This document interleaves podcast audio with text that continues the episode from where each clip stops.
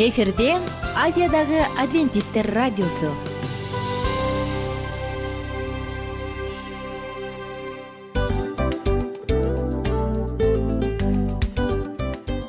Достор салют. Баардык сүйүктүү угармандарыбызга салам айтабыз. Кутман күнүңүздөр менен.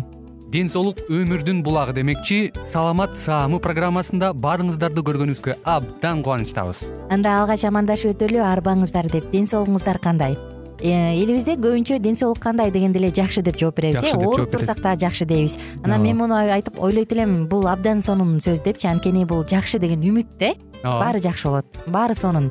Деп үмүттөнүп атып эле өзүбүздү өзүбүз дарылап коебуз.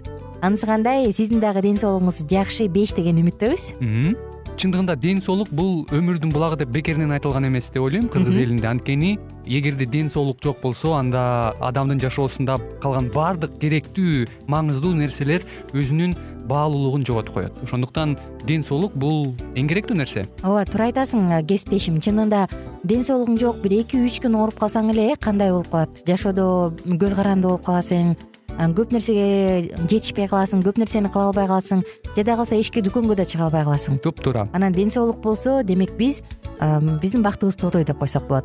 Анда достор саламат саамы рубрикабызды баштайлы. Алдыда өзүңүзгө керектүү болгон сонун кеңештерди уга аласыздар. Мына ошондуктан биз менен бирге болуңуздар. Ал эми биз болсо милан жана айнура.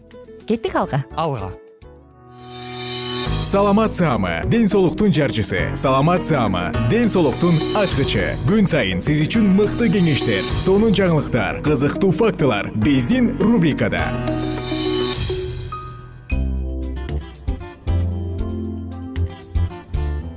Салют достор баардык угармандарыбызга ысык салам айтабыз. Сиздер менен бирге саламат саама радио баракчасындабыз. Кайрадан жана биз өзүн сүйгөн ден соолугун барктаган баалаган адамдардын угармандарыбыздын баардыгын дал ушул рубрикабызга чакырабыз. Анткени сиздер менен бүгүн алдыдагы дарыгерлер менен болгон маекте керектүү гана эмес маанилүү жакындарыбызга өзүбүзгө жардам берчү балдарыбызды саламаттыкта чоңойто алчу сонун маалыматтар менен бирге маалымдар болобуз.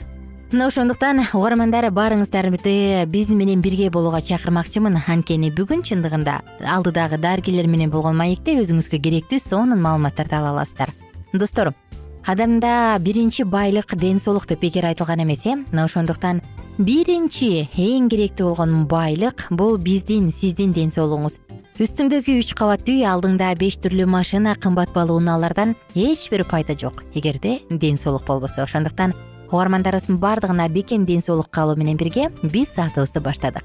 Алдыдагы маалыматтар сиздер үчүн. Достор эгер суроолор болсо сөзсүз түрдө саламат клуб сайтынын ютуб каналына кирип ал жакка комментарий калтырып суроо жөнөтсөңүз болот. Биз сиздин сурооңузду жоопсуз калтырбайбыз.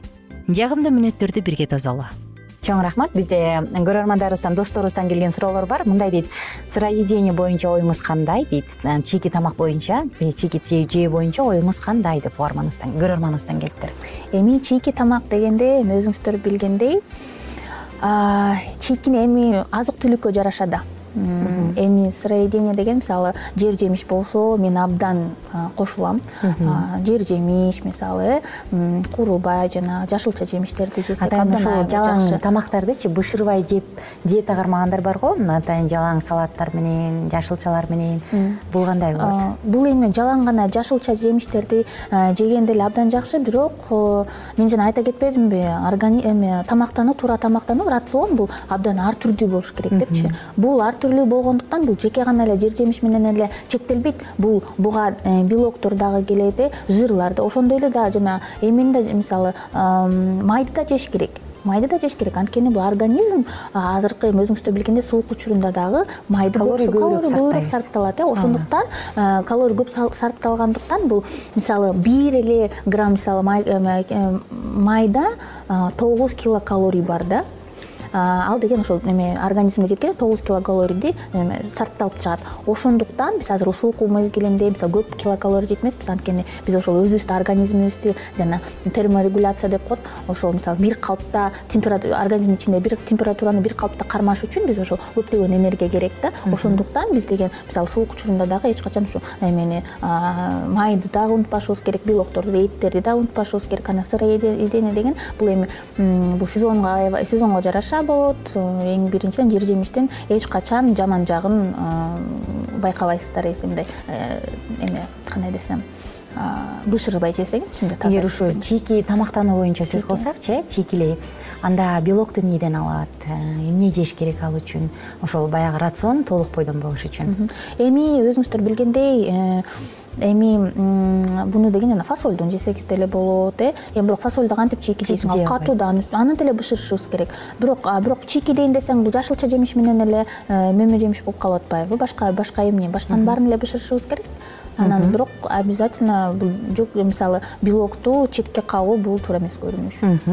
Көп эт жегенде организмге жаман болбойбу дейт кийинки биздин досубуздан келген суроо чоң рахмат. Сурооңуздарга эми бул суроого айта кеткендей мен төмөнкүдө айта кеткендей этти жалаң гана эле эт жесең бул организм кыйналат эң биринчиденчи. Эмне дегенде мен жана айта кеткендей бир кандай бир порцияны этти жегенде биз деген беш сааттын ичинде организм биздин ашказаныбыз ошол этти сиңирем деп ушу беш сааттык убакыт керек да ошондуктан бул жалаң гана эле эт менен чектелген бул тоже туура эмес көрүнүш. Э, мисалы этке дагы мисалы эттин дагы өлчөмүн дагы биле жеш керек да. Мен жана айта кеткендей бул өлчөмүн күнүгө бул ушу жетимиш граммдан жүз граммга чейин бул эми эртең менен тургандан баштап кечки жатканга чейин ошол толук тамактануунун ичинде бул ошол баарын алганда бир алганда бул ушу жетимиш граммдан жүз граммдан ашпаш керек да. Ал эми жана э, жарым килограммдап анан жана тойдон кийин кечке мисалы кечинде деле тамак жеген абдан организмди аябай өзүбүздү кыйнап салабыз да организмибизди кыйнайбыз эң биринчи жакшы. Дагы бизде суроо бар. Ушуну мен айткым келип турат. Ушул жерден дагы эт дегендечи мисалы кандай эт э бул дагы абдан көңүл бурган жакшы. Дагы менде мындай суроо бар. Биздин көрөрмандарыбыздан да достордон да келип атат. Алдыда жооп беребиз буюрса. Маркетингде мисалы майды күйгүзүп эритет ушуну эле бир эле кашык жеп койсоң тим эле укмуштай арыктайсың золушка болуп каласың деген сыяктуу жарнамаланган азыктар абдан көп го э? Маркетингде азыр эми баарыбызга белгилүү бул. Ачсаң эле жарнамалары чыгат. Негизи бул реалдуубу ушундай маркетингдеги кандайдыр бир азыктарды алып арыктап анан ушу негизи кандай бул? Ден соолукка кандай таасир тийгизет бул мындай да эми өзүңүздөр айта кеткендей маркетинг деп атсаңыз бул эң биринчиден бул сунуштаган тарап бул өзүнүн эң биринчи максаты бул өзүнүн кызыкчылыгы кызыкчылыгын ойго алат да эске алат эмне дегенде аларга эң биринчи максат бул ошол өзүнүн продукциясын тез арада сатып түгөтүү акчаны табуу. Акчаны табуу түгөтүү. Анан алар деген мисалы эч кандай силерге гарантия бербейт да мисалы мен продукциямды бир ай бою эметсең колдонсоң жесең сен бир айдан кийин мага келип сен мисалы өзүңдүн результатыңды көргөзүп андан кийин мисалы жыйынтыгыңды көргөзүп анан мен сага кандайдыр бир эме берем депчи мисалы. Жок ошол результатка жетпей калдыңбы ошол жыйынтыкка жетпей калдыңбы мен сага акчаңды кайтарып берем деп деле ошондойлор деле эч ким кепилдик бербейт. Эч ким кепилдик бербейт эч качан. Ошондуктан бул эң биринчиден ар бир жаран билишибиз керек эске тутушубуз керек.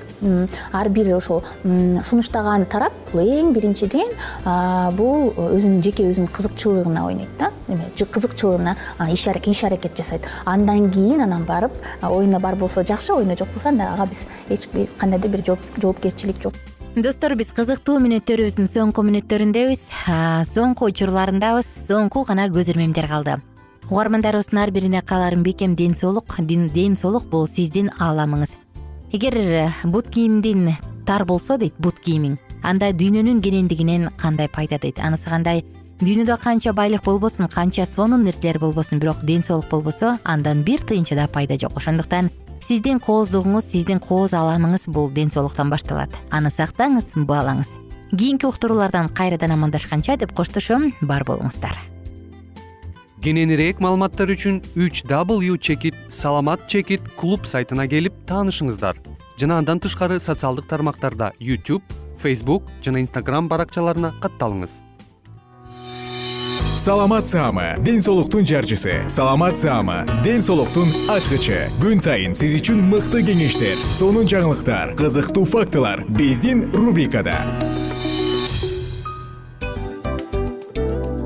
Салют замандаштар баарыңыздарга ысык салам дил маек программабызга кош келиңиздер. Дил маек рубрикасы дегенде эле бул эмне болгон дил маек ким менен маектешебиз деп сурайт болуш керек угармандарыбыз бул рубриканы кыскача тааныштыра кетип турган болсок ар тарап кесип ээлеринен болгон сонун интервью кеңештер бар жылдыздар менен болгон маек бар аталарыбыздын агаларыбыздын чоң аталарыбыздан сонун кеңештер бар ошондой эле эже сиңдилердин кеңештери бар айтор. Баардык кызыктардын баары алдыда. Негизи эле адам баласы бир кимдир бирөөнө ишенип сырын ачкысы келет эмеспи? Э мындай баарлашууга жакын келебиз го? Албетте.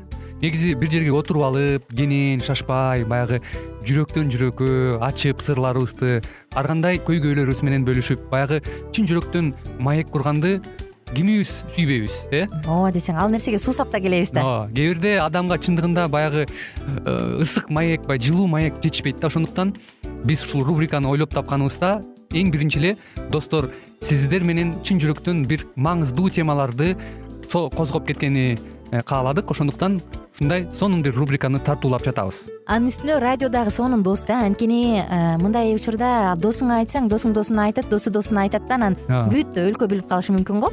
А радио болсо сени сатпаган сенин айыбыңды ачпаган сенин сырыңды эч кимге айтпаган сонун дос ошондуктан биздин алдыдагы айта турган кеңештерибизди биздин досторубуздун кеңештерин угуп анан ал жака пикириңизди дагы калтырып кайрадан биз менен байланышсаңыздар болот. Деги эле жашооңузга эгерде кичине болсо дагы өзгөрүү алып моралдык жактан нравовик жактан сонун бир кеңештерди алсаңыз демек биз максатыбызга жеттик. Ооба.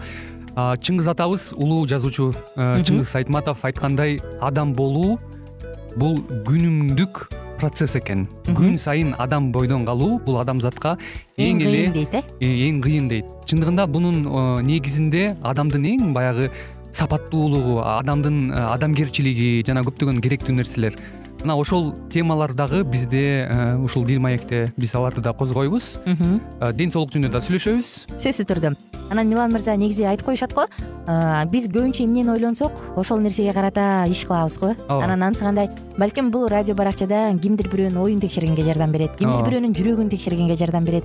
Балким кимдир бирөөгө жашоонун маңызын тапканга жардам берер. Айтор кызыктын баары алдыда бул жөн гана кыскача жарнама анда угармандарыбыздын баардыгын кийинки рубрикабызга чакырабыз. Ал эми кызматта маңдайымда отурган кесиптешим милан жана мен айнура. Анда эмесе биз даярдаган терең терең ойлор менен таанышууга кеттик. Алыс алыс баралык. Анда эмесе достор биз менен бирге болуңуздар. Алдыда эң кызыктуу маалыматтардын баардыгы бир нече мүнөттөр бою жалгыз гана сизге арналат мына ошондуктан жакшы маанай менен угууну каалайбыз. Үн алышканча. Жөнөдүк. Ар түрдүү ардактуу кесип ээлеринен алтын сөздөр жүрөк ачышкан сыр чачышкан сонун маек дил маек рубрикасында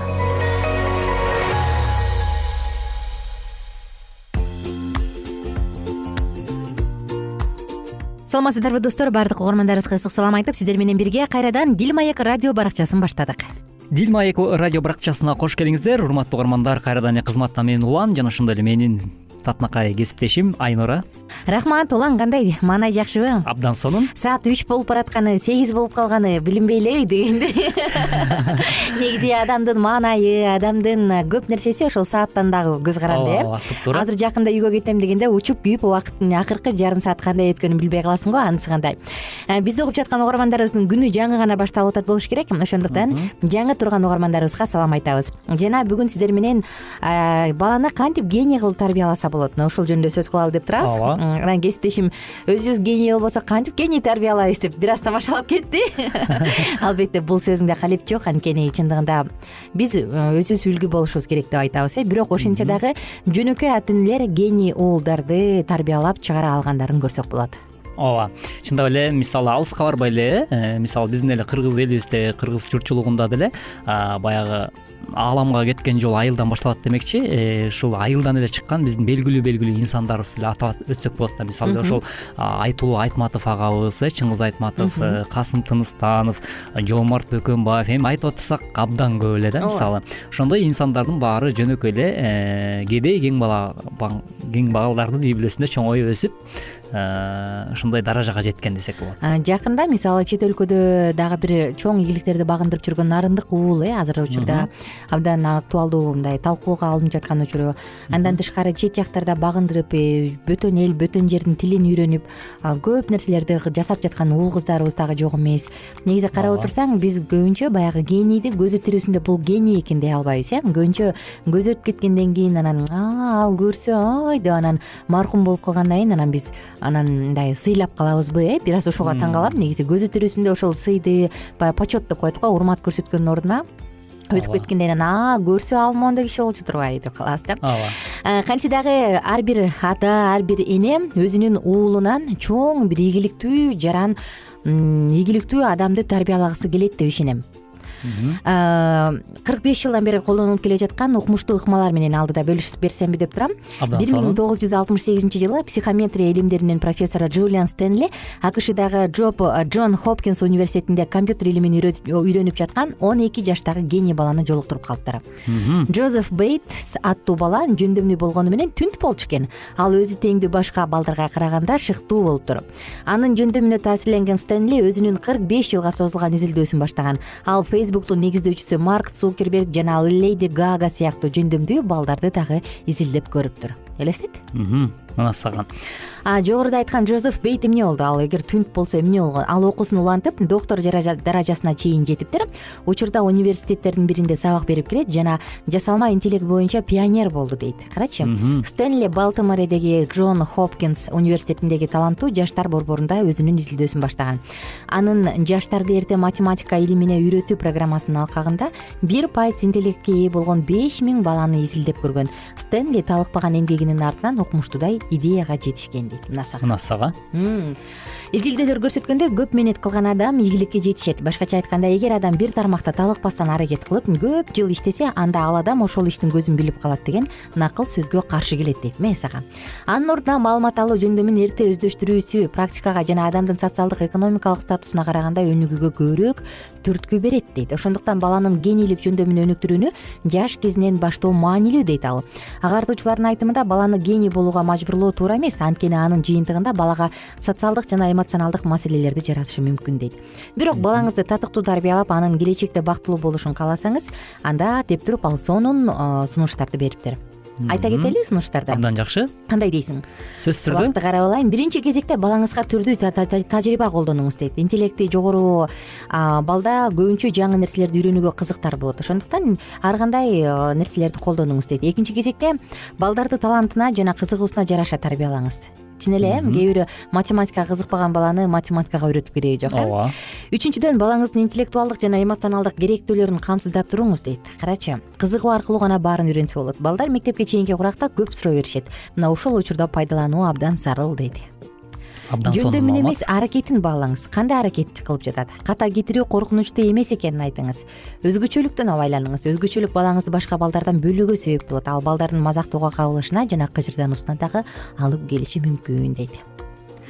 Балаңыздын каалоосун билүү үчүн мугалимдер менен кеңешиңиз. Балаңыздын жөндөмүн текшерип көрүңүз деген сонун ушундай сунуштарды айтыптыр абдан сонун чындап эле сонун кызыктуу жана ошол эле учурда мындай пайдалуу кеңеш экен. Э, андыктан э, ушул ыкмаларды ар бирибиз мындай биле жүргөнүбүз абдан маанилүү деп ойлойм. Себеп дегенде мисалы ошо балдардын э, гений болуп чоңоюшуна деги эле алардын илим билимге умтулуусуна сөзсүз түрдө алгач ирет бул ата эне биринчиден баягы ата эне салым кошот эмеспи ошондуктан чын эле балдарыңыз бүгүнкү күндө эмнеге жөндөмдүү ошого карап анан ошол багытта тарбиялоо бул өтө маанилүү болуш керек. Эгерде балаңыз э, балким кайсыл бир сабактан каалабай жатса эле мажбурлап ошону эле окушуң керек деп баягы баш көзгө чапкылап э, эски методду колдоно берүү бүгүнкү күндүн шартына азыркы убакытка мисалы туура келбейт да. Сен абдан жакшы бир жагын козгоп кеттиң э баланы баягы башка көзгө чапкылап окуу деп э. Бизде мындай түшүнүк бар экен да бала ийгиликтүү болуш үчүн ал баардык жакта идеалдуу болуш керек. Жалаң бешикке окуш керек үйдөн зымга тизгендей болуш керек. Айт десе уйт боло тургандай угуш керек депчи. Бирок көптөгөн иликтөөлөр көптөгөн ийгиликтүү адамдардын жашоосун карасаң такыр мындай эмес э керек болсо ушул мисалы эйнштейнди эле алсак э. Ооба. Ал э, мугалимдер менен кайма кайчылдатышып жок силердин айтканыңар туура эмес деп керек болсо чоң чоң авторитет туткан китептерде да жок мында ката бар дегенге чейин барып мындай анын ой жүгүртүүсү вольный ум деп коет го э эркин акыл болгон да. Бирок анын болочогунда кийин келечекте ал эң күчтүү физиктердин бири болду. Ооба. Анысы кандай менин айтканыман чыкпашың керек ошондо сен жакшы бала болуп чоңоесуң десек бул чоң каталычылык экен. Албетте бул теманын кичинекей эле чети кийинки уктуруубузда бул теманы андан ары улантабыз. Ага чейин угармандарыбыз менен коштошобуз ошентип бизге бөлүнгөн убакыт учкан куш сымал э, убакыт да чектелүү болуп калды. Урматтуу угармандар балабыздын гений болуп чоңоюшу үчүн сизде да кандай ой пикир болсо сөзсүз түрдө биздин whatsapp номерибизге өзүңүздүн билдирүүңүздү калтырыңыз. Амандашканча достор.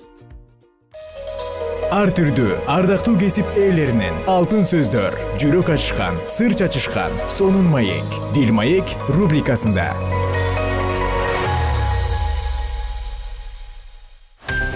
жан дүйнөңдү байыткан жүрөгүңдү азыктанткан жашооңо маңыз тартуулаган жан азык рубрикасы.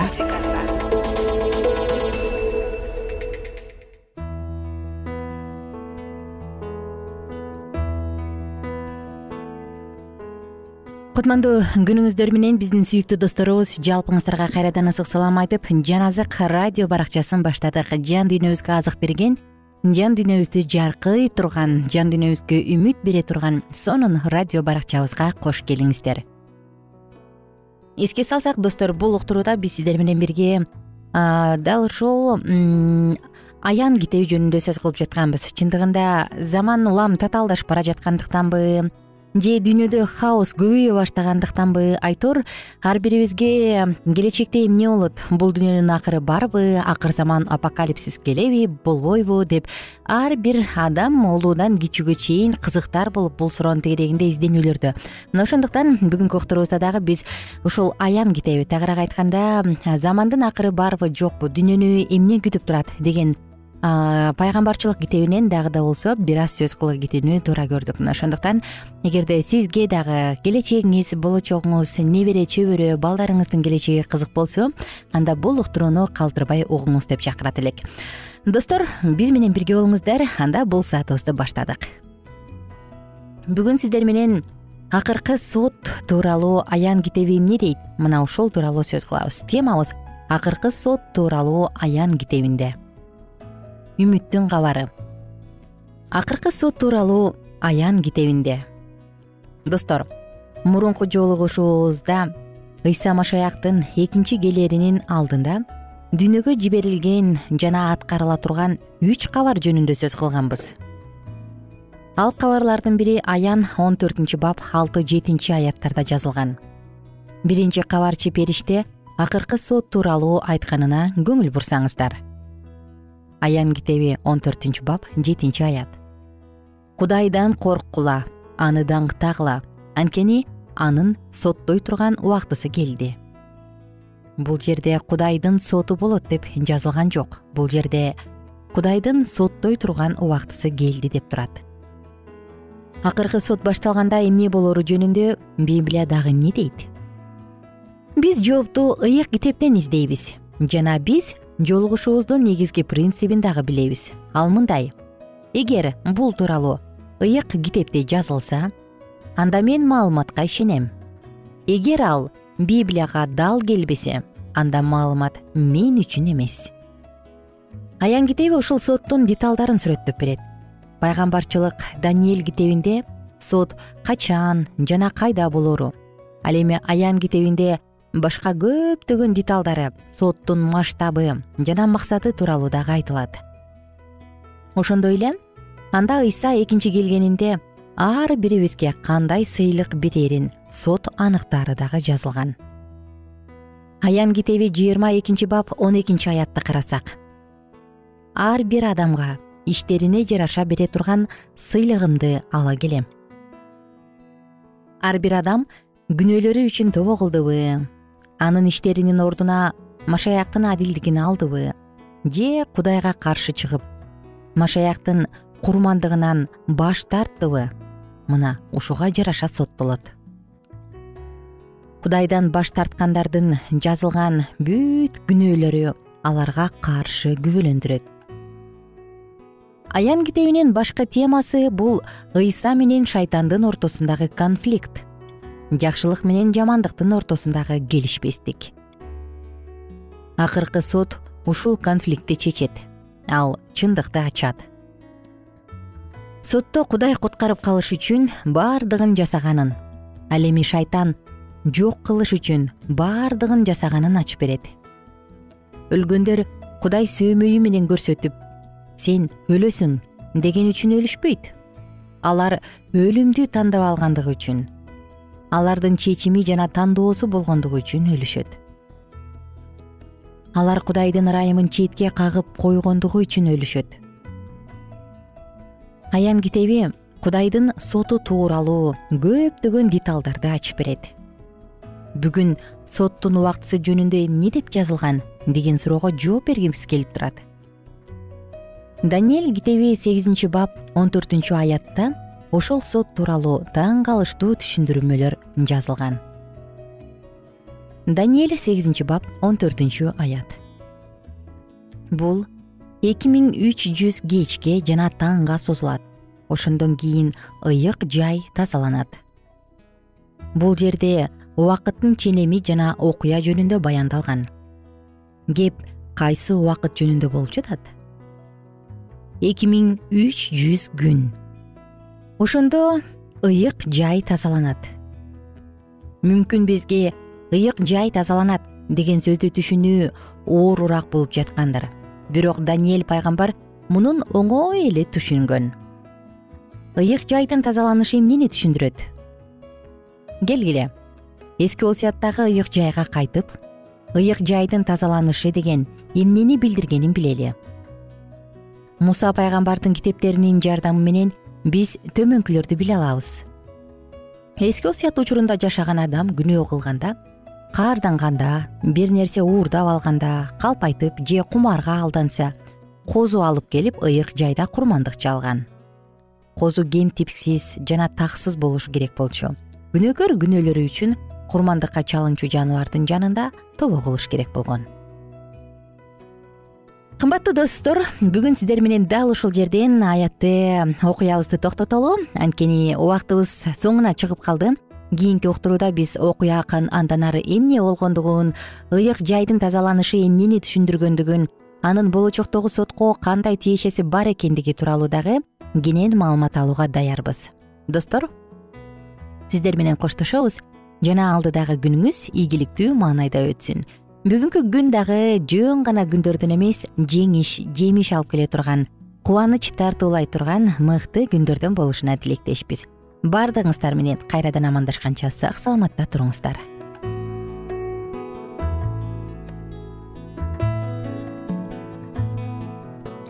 Эгер сиздерде суроолор болсо же көбүрөөк маалымат билем десеңиз анда биздин whatsapp номерибизге жазыңыз. Плюс бир үч жүз бир жети жүз алтымыш алтымыш жетимиш. Кайрадан плюс бир үч жүз бир жети жүз алтымыш алтымыш жетимиш.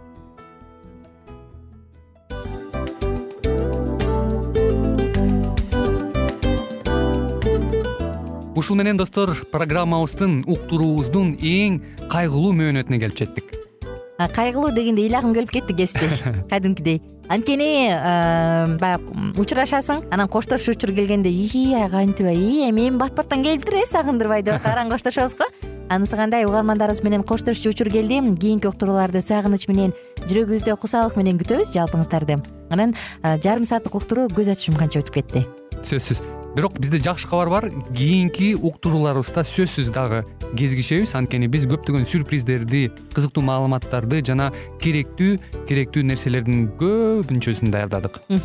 Анда угармандарыбыздын баардыгына ийгиликтүү күн каалайбыз. Эгерде бүгүнкү күнүңүз өзгөчө э, өтүшүн кааласаңыз анда позитивдүү ой жүгүртүп жылмайып жакындарыңызга жакшы маанай тартуулап жүрө бериңиз. Анткени сөзсүз түрдө мунун арты кайтат э? Сөзсүз. Баягы ден соолугуң оңолот ал бул деп көп нерсени санап келебиз. Эң негизгиси бул сиздин жашооңузду жаркын кыла түшөт экен жараткан кудай ар бирөөңүздөргө батасын берсин жашооңуз ийгиликтүү болсун сак саламатта калыңыздар деп мен милан жана кесиптешим айнура. Баардыгыңыздар менен кийинки уктурууда үн алышканча. Баарыңыздарга ийгилик каалайбыз